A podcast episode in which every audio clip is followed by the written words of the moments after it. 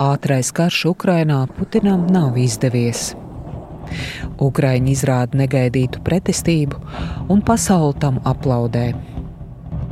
Taču tas nozīmē, ka Krievijas karaspēks bumbo vairs ne Ukraiņas militāros objektus, bet miermīlīgos iedzīvotājus.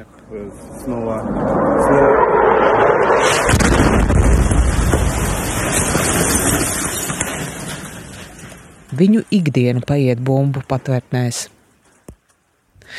Okupantu aplenktajās pilsētās cilvēkiem nav ko ēst, bērni mirst no ūdens trūkuma. Tikmēr citur iedzīvotāji gatavojas pašaizsardzībai, brīvprātīgajiem pievienojas pat vecie un slimie. У нас пришли все, кто не годен в армию. Все, кто годен, они пошли в армию. Pie mums atnāca visi, kas nav derīgi armijai. Visi, kas derīgi, aizgāja armijā nepietiek ne ieroču, ne ekipējuma, bet Ukraiņi gatavo molotova kokteļus un kara šausmās joko. Ja jau mēs esam banderovieši, tad tas ir banderu kompots. Karu viņi izcīna vieni paši un jautā, vai Eiropa atkal tikai noskatīsies? Zakrit nieba. Aiztaisiet debesis, aizveriet debesis. Pārējo izdarīsim mēs paši par Ukraiņu dzīvi zem kara stobriem. Turpmākajā pusstundā stāstīšu es, Indra Sprānce. Pirmā daļa - boršs.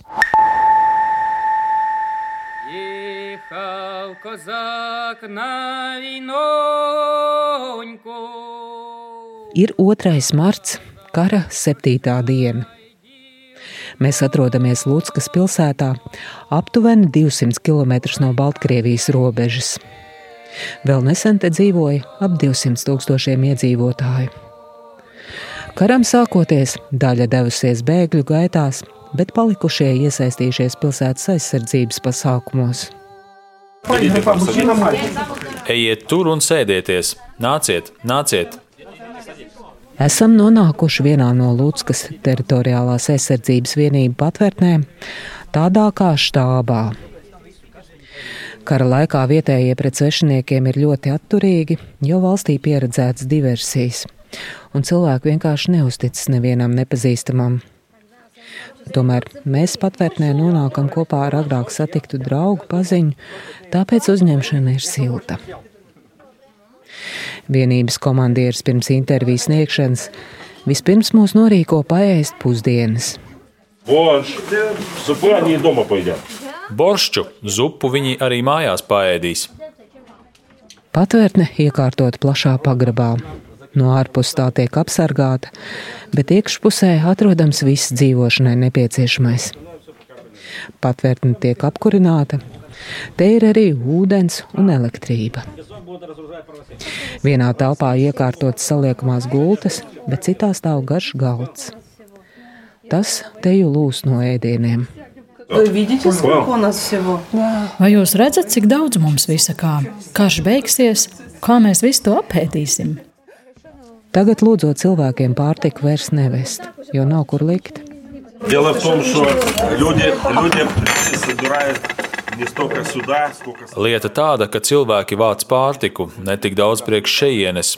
Lūk, tagad zvanīja no Zaporīžies, tur jau sāk veidoties katastrofa, jo nav pārtikas produktu. Viņi lūdz palīdzību. Bet mums okupantu dēļ nav iespēju tos nosūtīt. Viņi neizlaidīs. Vest uz turieni nav iespēju, jo visu atņems un aprīs paši. Pie kopgalda pusdienot senāk daudz vīriešu formu stērpos. Cibulka, tam česnek, будь ласка, їжте. Sīpoli, tur ir ķiploki, lūdzu paēdiet. Pīrādziņu, kompots, picu ņemiet, ēdiet, ēdiet. Sanākušos apkalpot četras sievietes. Kā jūs sauc? Svetlāna, Ivas. Un jūs? Natāļa. Brīvprātīgās strādā uz maiņām, lai nodrošinātu, ka visi pilsētas aizstāvji ir pēduši. Так вот говорят, что вот русские думают.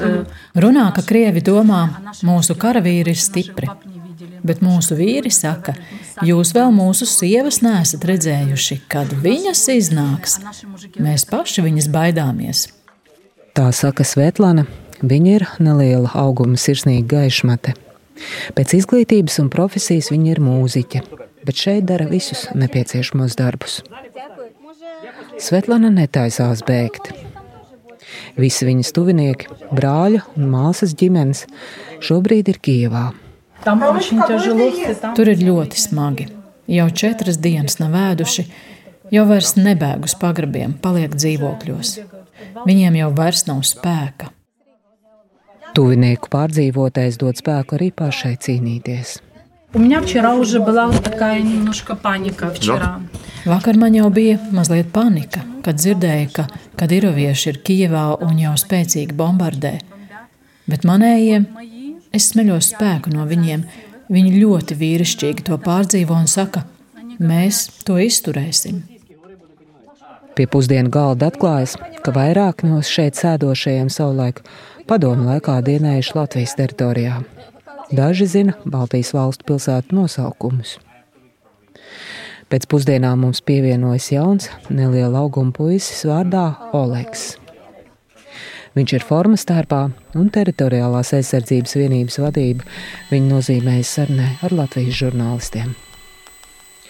Oleks piedalījies karā jau 2014. gadā. Ar mums viņš runā tikai ukraiņu valodā. В нас тут все є. Тобто Mums te ir viss, ir kur nomazgāt rokas, ēdiens, ir gultas, siltas drēbes. Mēs pat esam gatavi uzņemt cilvēkus, kas pārcēlušies un atnākuši pilnīgi bez nekā. Apģērbsim un pabarosim. Mēs varam nodrošināt tādus apstākļus, lai cilvēki šeit nejustos kā pagrabā, bet būtu komfortabli. Oleks pilsētā koordinē humanās palīdzības sadali. Jautāju, kā pašlaik trūkst visvairāk. Справді ні потреби в гарячій їжі практично немає. Воді Nav vajadzības pēc silta ēdiena un apģērba. Cilvēki nes kas no kuram ir. Problēmas ir ar bruņu vestēm un ķiverēm. Polijā ir jau izpirktas visas bruņu vestes un ķiveres. Ukraiņi tagad meklē citas iespējas sagādāt nepieciešamo ekipējumu. Tikmēr Krievu okupantu iebrukumu gatavojas atvērīt pašu spēkiem un gatavo arī tā dēvētos molotovu kokteļus. Tas ir ātri uzliesmojošs degmaisījums stikla pudelēs.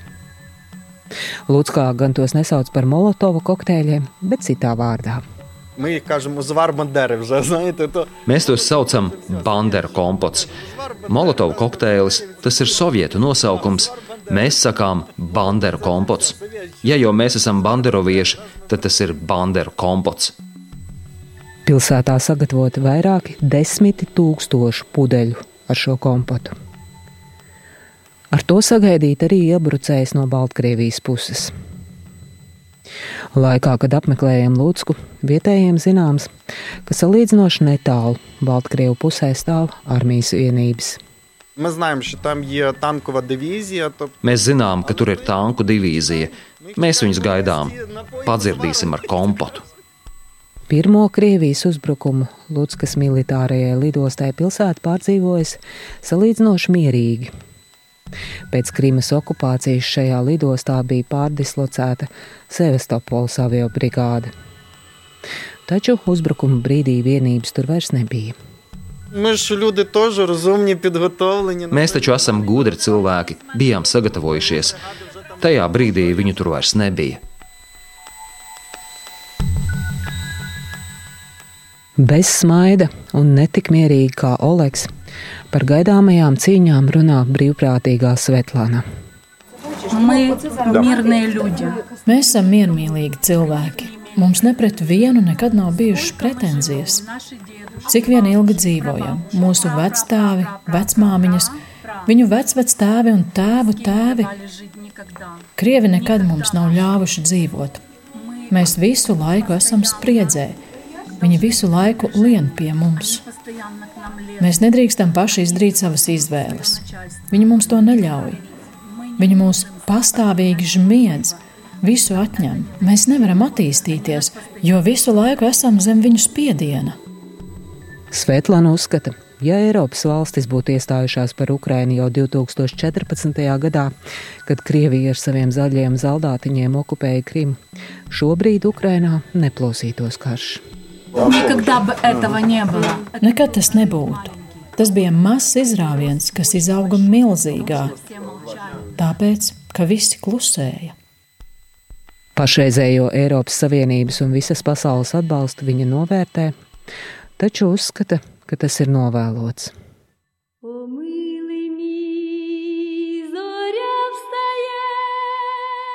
Uz mirkli Svetlāna sarunu pamet un atgriežas ar telefonu, kurā uzšķirts dzēnieka Aleksandra Olēsija dzējolis Pamietāja.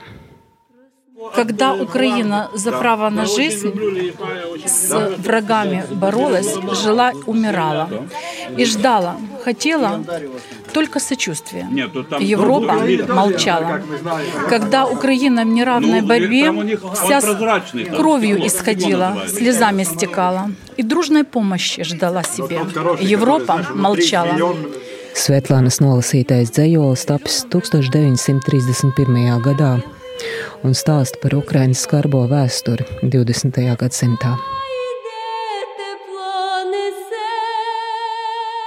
Atzējot to nespēšu, bet pāris teikumos mēģināšu pārstāstīt. Kad Ukraiņa cīnījās ar ienaidniekiem par savām tiesībām uz dzīvi, cilvēki mira un vēlējās vienīgi līdzjūtību. Eiropa klusēja. Kad Ukraina nevienlīdzīgā cīņā nosiņoja, asaras lēja un gaidīja draudzīgu palīdzību, Eiropa klusēja. Kad Ukraina no bada vārdus zaudēja, Eiropa klusēja Klusēja arī tad, kad rētās kliedza.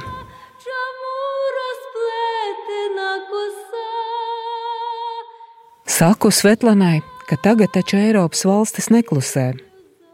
Viņa atbild par vēlu un par maigu. Надо более решительно действовать. Закрыть небо. Jārīkojas daudz izlēmīgāk. Aiztaisiet debesis, aizveriet debesis. Pārējo izdarīsim mēs paši. Otrā daļa - nopirksim pistoli.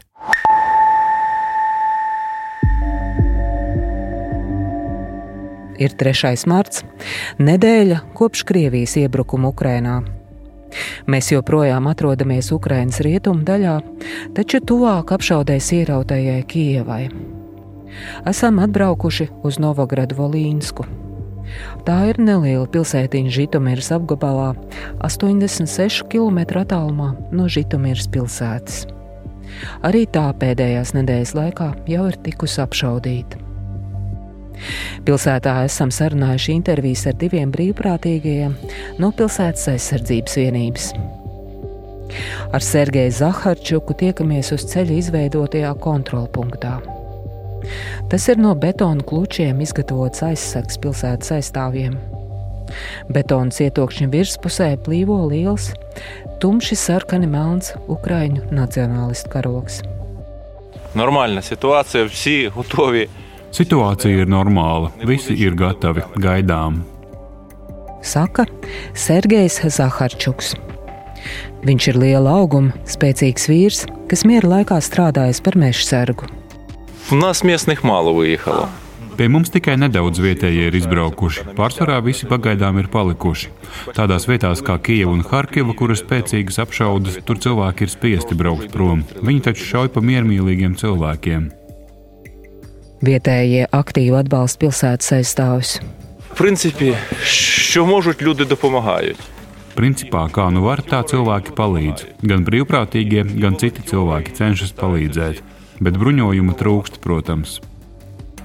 Sergejs cer, ka ar laiku ekipējums pienāks, taču vispirms to sūta uz kara frontes pirmajām līnijām. Ekipējuma trūkumu piemina vēl viens brīvprātīgais no pilsētas aizsardzības vienības - 67 gadus vecais Mihails Ļībers. Miera laikos viņš bija pasniedzējis medicīnas koledžā. Вот видите, в чем я. Э, Вот примерно мы все в в том же. Lūk, redzat, kā esmu ģērbies. Apmēram tāpat visi.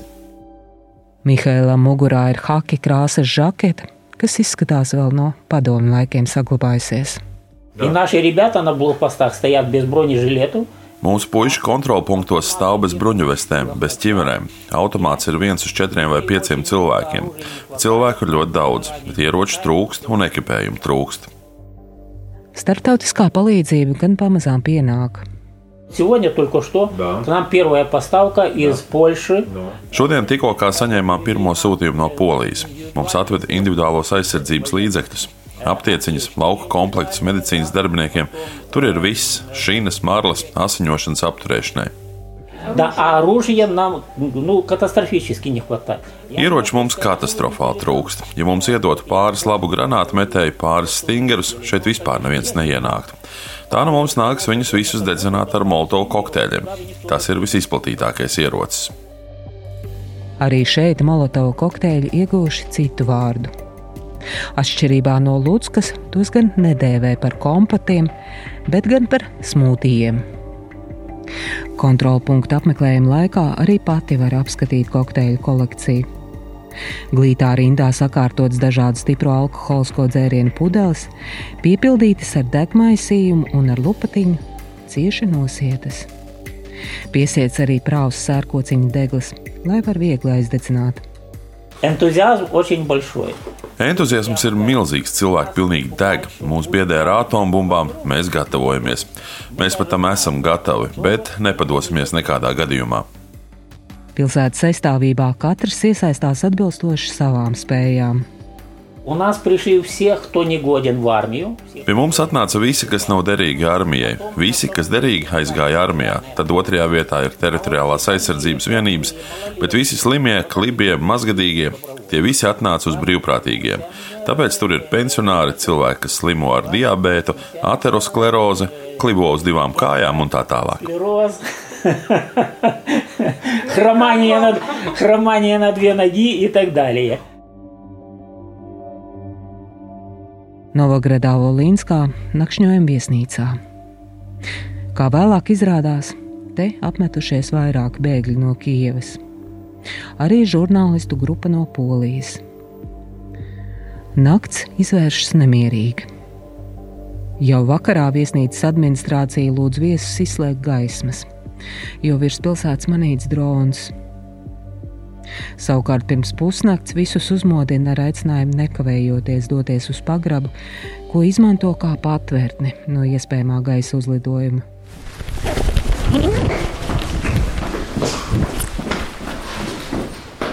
Uz ielas, klusumā ieklausoties, var dzirdēt dobju skaņu, kas veidina domāt par raķešu pacelšanos un attālināšanos.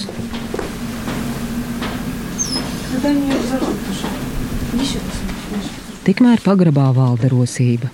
Nu, nu, mūžīgais, mūžīgais. Nu, Vai vari mani nobildēt? Kā tevi zūd? Kā tevi sauc? Viņa Žura. Viņa Indra. Mani Indra. Ir teju pusnakts, bet puika pavisam žiparīgs. Viņš ar māmu Viktoriju Vovčenko ir no Kijevas.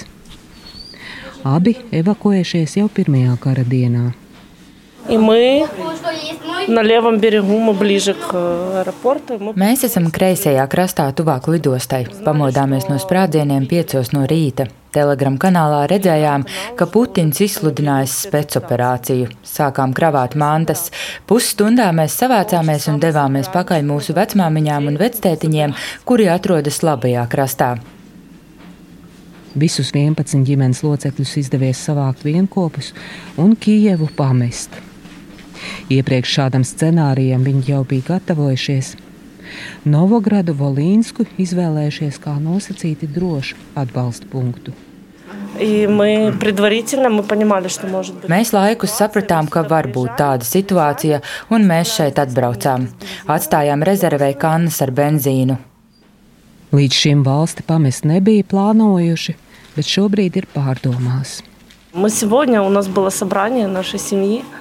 Šodien mums bija ģimenes sapulce, un mēs secinājām, ka visticamāk tas viss būs uz ilgu laiku, un mums kaut kas ir jādara. Mēs esam bez mājām. Tagad pats galvenais uzdevums ir visas sievietes un bērnus nogādāt drošībā, lai vīrieši mierīgi var aizstāvēt savu dzimteni. Kara pirmajā nedēļā pieredzētā apšaude un sprādzieni jau ir atstājuši iespaidu uz bērniem. Nu, я ему закрывала уши, чтобы он не слышал. Es viņam taisīju ausis ciet, lai viņš nedzird, piekļāvu pie sevis. Viņš jau tagad, savos piecos gados, man saka, māmu, nopirksim pistoli vai automātu un iesim šaut tos krievus. Tas ir briesmīgi, godīgi sakot. Karš mainījis vēl vienas šīs ģimenes atvases - Nadeždas Tonīginas skatu uz dzīvi. Nadeždai ir 19 gadi. Я нигде не учусь. Я закончила школу и... Es nekur nemācos. Biju pabeigusi skolu un jutos ļoti vīlusies visā mūsu izglītības sistēmā, tāpēc nekur neiestājos. Sākotnēji vēl 9. klasē ļoti gribēju iet studēt medicīnu, kļūt par ārsti, bet es to neizdarīju un neaizgāju mācīties. Tagad, kad ir iespēja palīdzēt, es saprotu, ka man ir sasietas rokas un man nav to zināšanu, kuras varēja būt, un es to ļoti nožēloju. Nadežda tagad apgūst pirmās palīdzības kursus un cer, ka varēs būt noderīga savai valstī. Ap vieniem naktī ārkārtas situācija aplikācija telefonā dod skaņas signālu par to, ka potenciālie draudi ir garām un varam atgriezties viesnīcā. Tomēr tas nav uz ilgu laiku. Ap četriem no rīta pa viesnīcas durvīm atkal rībina. Ir jādodas uz pagrabu. Šoreiz gan paklausīgo ir mazāk. Nāks neviens cits, tikai mēs. Больше никто не будет приходить. Ну, все спрячь. Visi guļ. А, а так может быть, да? Vai tā var? Ну, не хотят уже.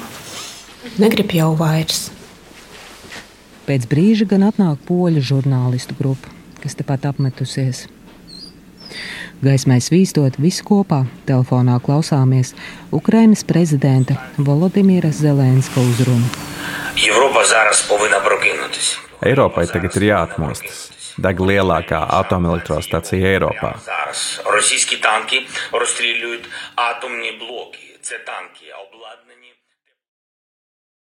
Trešā daļa - Lūdzies un raudi!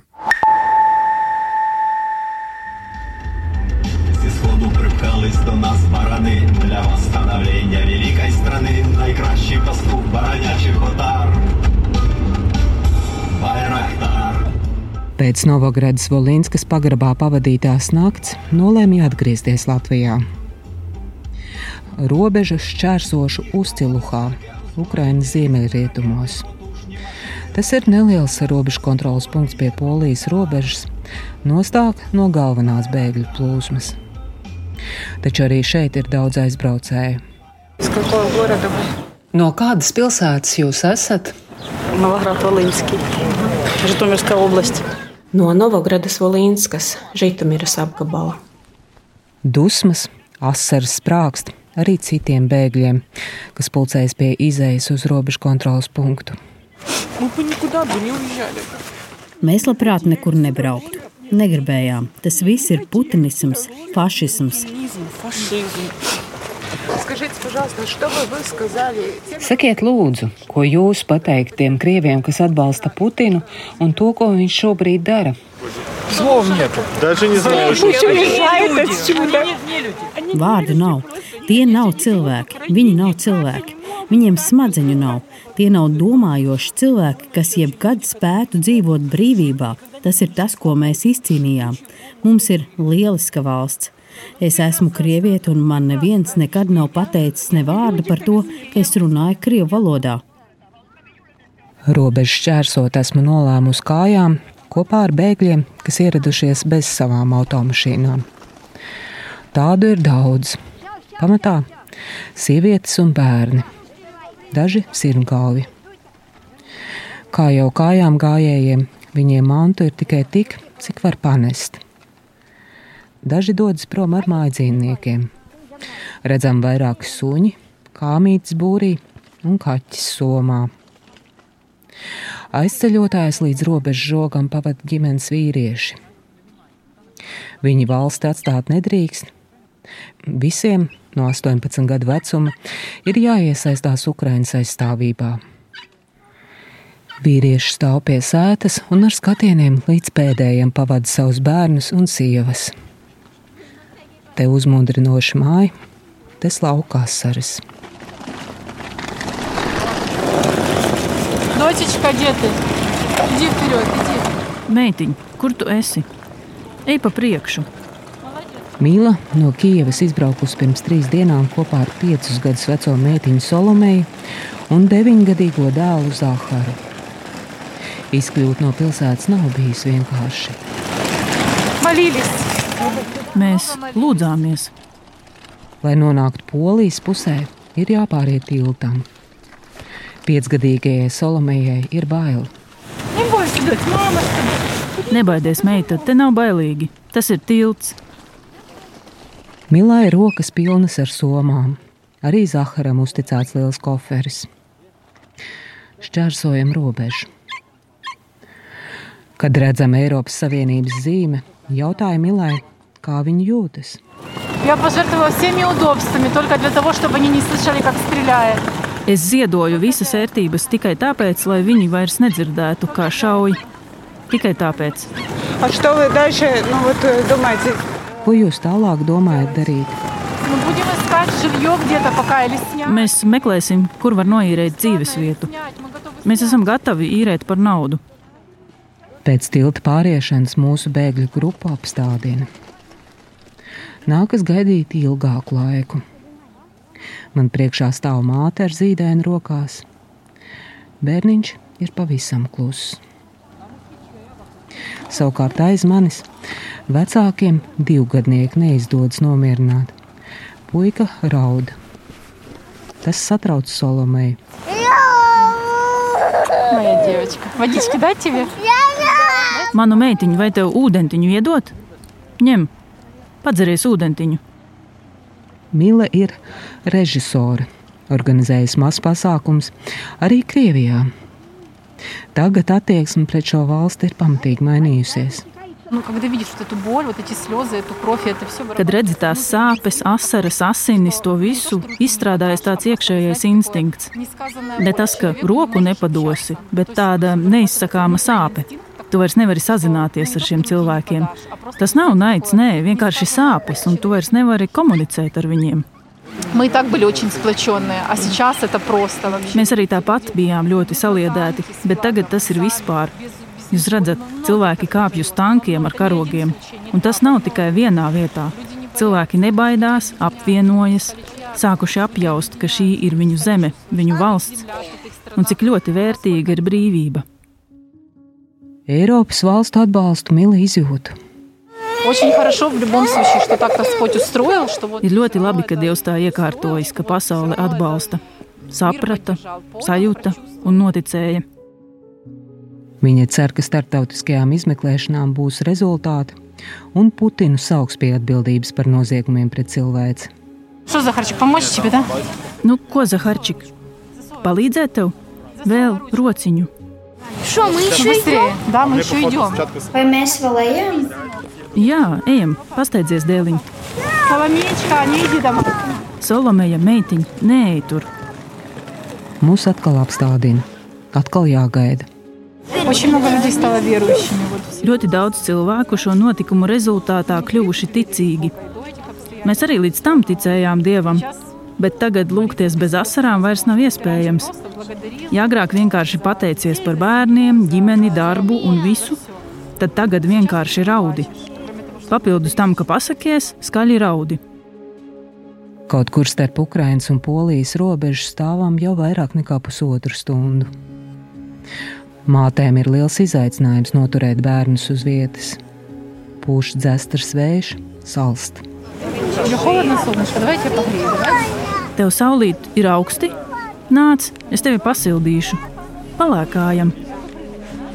Pēc vairāk nekā divu stundu gaidīšanas beidzot nokļūstam poļu robežu kontrolas punktā. Robežsargs pienāk pie mums priekšā stāvošās mātes ar zīdēni, izņem bērnu no rokām un tālāk nes pats. Nepilnas trīs stundas robežas šķērsošanai, tomēr ir īss brīdis salīdzinot ar to, kas bija pirms nedēļas. Izskatās, ka šeit bēgļu grupām ir izveidots tāds kā ātrais koridors. Poļi ir labi sagatavojušies. Līdz ar robežsargiem šeit strādā palīgi, kas mātes ar bērniem sagatavo pasu pārbaudē, dod karstu tēju, sviestmaizes un našķus mazajiem. Pēc laika redzu, Milu ar bērniem sēžam mikroautobusā. Tādu šeit ir daudz. Polija jau nedēļu uzņem bēgļus milzīgos apmēros Bet vēl stāvot starp abu valstu robežām, kādā brīdī mazās Salomējas uzmanību piesaista mana diktafona pūkainā mice. Meitene to pakas. Vai gribi kaut ko pateikt? Скажи, я люблю Украину. Saki, es mīlu Ukrainu. Десь Україну.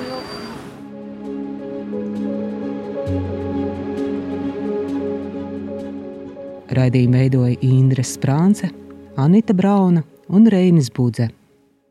Atvērtie faili!